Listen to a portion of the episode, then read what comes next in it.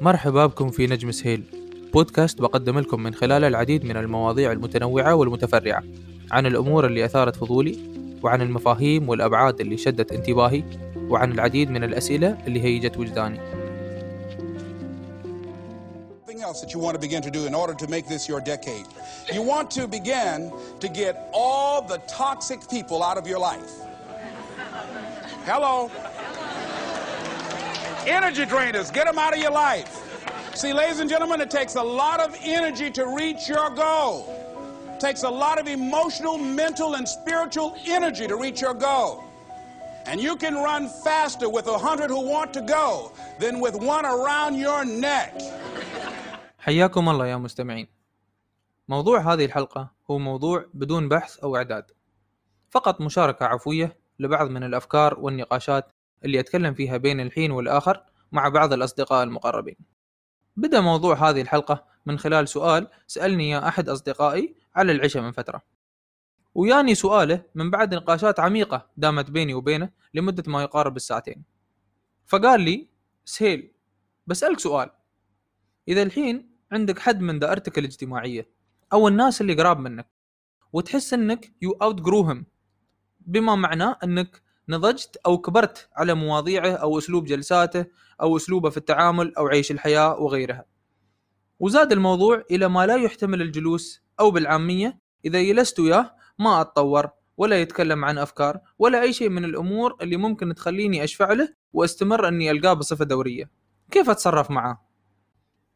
قبل لا أبدأ بالرد عليه قاطعني وكمل وقال بس لا تقول لي اقطعه وريح راسك لأني ما أقدر أقطع هذا الشخص. دفعني الفضول بين شد وجذب في أن أعرف علاقته مع هذا الشخص بس علشان أحاول أفيده بقدر الإمكان مش علشان أي غرض آخر. عموما انتهى عندها راشد من الكلام وأنا أنتظر أن أجاوبه بفارغ الصبر أكثر من ما هو ينتظر الجواب بحيرة مني.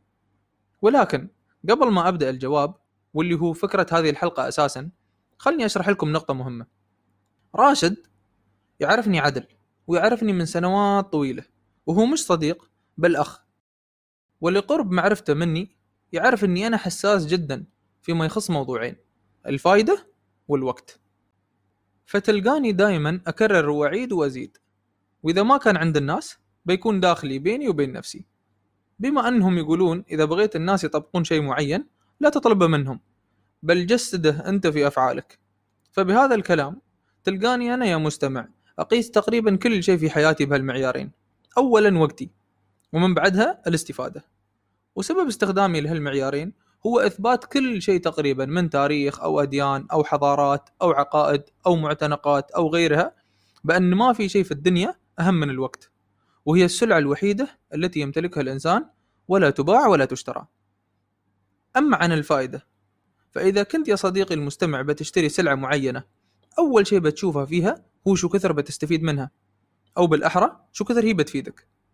فإذا كنت تنظر للسلع اللي تنباع منذ الأزل بهذه النظرة ليش ما تنظر لكل شيء بيأثر عليك أو بيدخل عقلك الواعي ولا الباطن أو بتمارسه أو بتحتك فيه أو غيرها وغيرها من التفاعلات اللي ممكن تدخل فيها بمنظور الفائدة؟ أوكي صح أنا وياك. مش كل شيء في الدنيا بالفائدة. ولهذا السبب لو طبقت هذه الطريقة وخليت أغلب تفاعلاتك ووقتك مقضي في أنشطة مداخلها أو مخارجها مفيدة لك فبهذا فعلا بتقدر تقضي وقت الاستراحة أو الفراغ في اللعب أو غيرها من الأمور اللي يناسبك وتقضي فيها وقتك. أو مثل ما نقول تغير فيها جوك. وعلى هذا الأساس بتكون دائما مرتكز في حياتك وأيامك على الوقت وبتستفيد في كل دقيقة ما ترجع من حياتك بقدر الإمكان. ونفس الوقت تقيس أيامك والأنشطة اللي تسويها في روتينك من منظور الفائدة والإنتاجية. يبقى اللي يبقى من الوقت هذاك حقك تستانس فيه. ومثل ما قلنا توه تغير فيه جو. عموما يا صديقي المستمع الحين بعد ما فهمت وجهة نظري وفهمت ليش صديقي قاطعني قبل لا أتكلم به بس لا تقول لي اقطعه لأني دائما أمشي على acronym أو اختصار OQP بما معناه Only Quality People. وهذا الاختصار واضح جدا مثل ما الكتاب باين من عنوانه. أي شخص في حياتك ما تشوفه بمستوى quality أو بالأحرى شخص فعلا يسوى يكون من ضمن دائرتك الاجتماعية ليش مدخلنا فيها أساسا لو كنت بتشتري سيارة اليوم بتفضل تحط فيها أفضل الأوبشنات أو الخيارات ولا بتفضل تحط فيها أي شيء يمشي الحال طبعا بتحاول تطلع من الوكالة بأفضل شيء ممكن في السيارة مفترضين إن حتى أفضل شيء ممكن يطلع فيها مناسبنك تماما من ناحية تكلفة السعر طبعا by example. But show me your friends and show you your future. I was very strict with my kids who they hung around with. I mean, you show me your friends, I'll show you your future. And so um, the. Um, I heard you. I part of the reason I, I searched you out and found you, and awesome that you took the chopper into London. Um, was you you made a statement about if you're going to hang out on a Friday night in a pub with your buddies and, and watch football, uh, that's where you'll be in 20 years. Yeah. I, I played that 10 times. I made my wife listen to it. I made because I don't like watching sports and drinking beer or any of that stuff. I just want to get shit done. Correct. So to hear you say it, I, I was vindicated. Yeah, and well, I said um, if you're going to sports bars and belching and farting, watching uh, football matches now, in 20 years you'll be the same guys. Maybe two or three of the guys will be different, but you'll still be belching and farting and think it's funny. Yeah, but I mean, Elon Musk doesn't go to Super Bowls. Elon Musk doesn't go to the World Basketball Championships. I mean, I don't. I, I mean, the guys that you see aren't those guys. Uh, uh, and the um, Eagles fly above, Eagles fly alone. I don't have, I got two or three guys I know for 50, 60 years. That's the extent of my friends. You know, I see them two, three times uh, every other year, and that's it. Uh, we're not hanging out. We're not, you know. It's, it's, it's hard. It's hard. You have to get used to uh, being alone and not being lonely. It's lonely at the top. Rollo May, the distinguished psychiatrist, wrote a wonderful book called Man's Search for Himself. And in this book, he says, the opposite of courage in our society is not cowardice. It is conformity. And there you have the trouble today. It's conformity. People acting like everyone else without knowing why, without knowing where they're going. Most people have no idea where they're going. They really don't. And you don't have to be much of a genius to figure this out.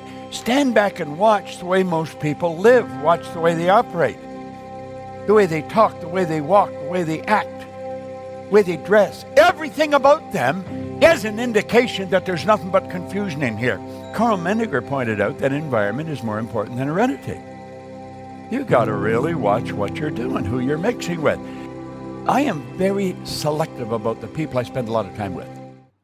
خلنا الحين نرجع للسؤال ونسمع جوابه. بس خلني أعيد السؤال مرة ثانية للتذكير قبل ما نبدأ نجاوب عليه.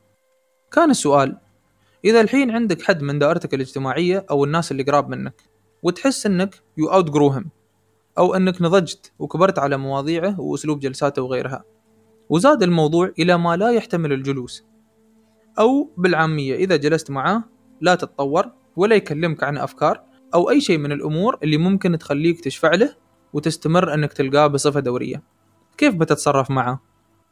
بديت أنا بالجواب وقلت الراشد خلنا نستعرض المثال التالي. خلنا نقول أنك اليوم عندك 15 شخص تعتبرهم من ضمن دائرتك الاجتماعية. أكثر من تلقاهم يكون بصفة يومية مثل أهلك في البيت وأقل من تلقاهم يكون مرة في الأسبوع. يعني ما بيمرن عليك سبع أيام إلا وبتكون لقيت هذيل ال 15 شخص كلهم. الحين إذا تكلمنا على موضوع أهمية السوشيال سيركل أو الدائرة الاجتماعية فهذا الموضوع من عمقه واختلاف وجهات النظر فيه ما ينتهي. وأنا قد تكلمت عنه من قبل في حلقة من حلقات البودكاست بالتفصيل. عموما من باب الحرص على المبدئين أهمية الدائرة الاجتماعية واختصار only quality people اللي تونا تكلمنا عنه. نفهم أن إذا كان عندك 15 شخص في دائرتك الاجتماعية ف you should have vetted them. قبل ما تدخله في حياتك الشخصية.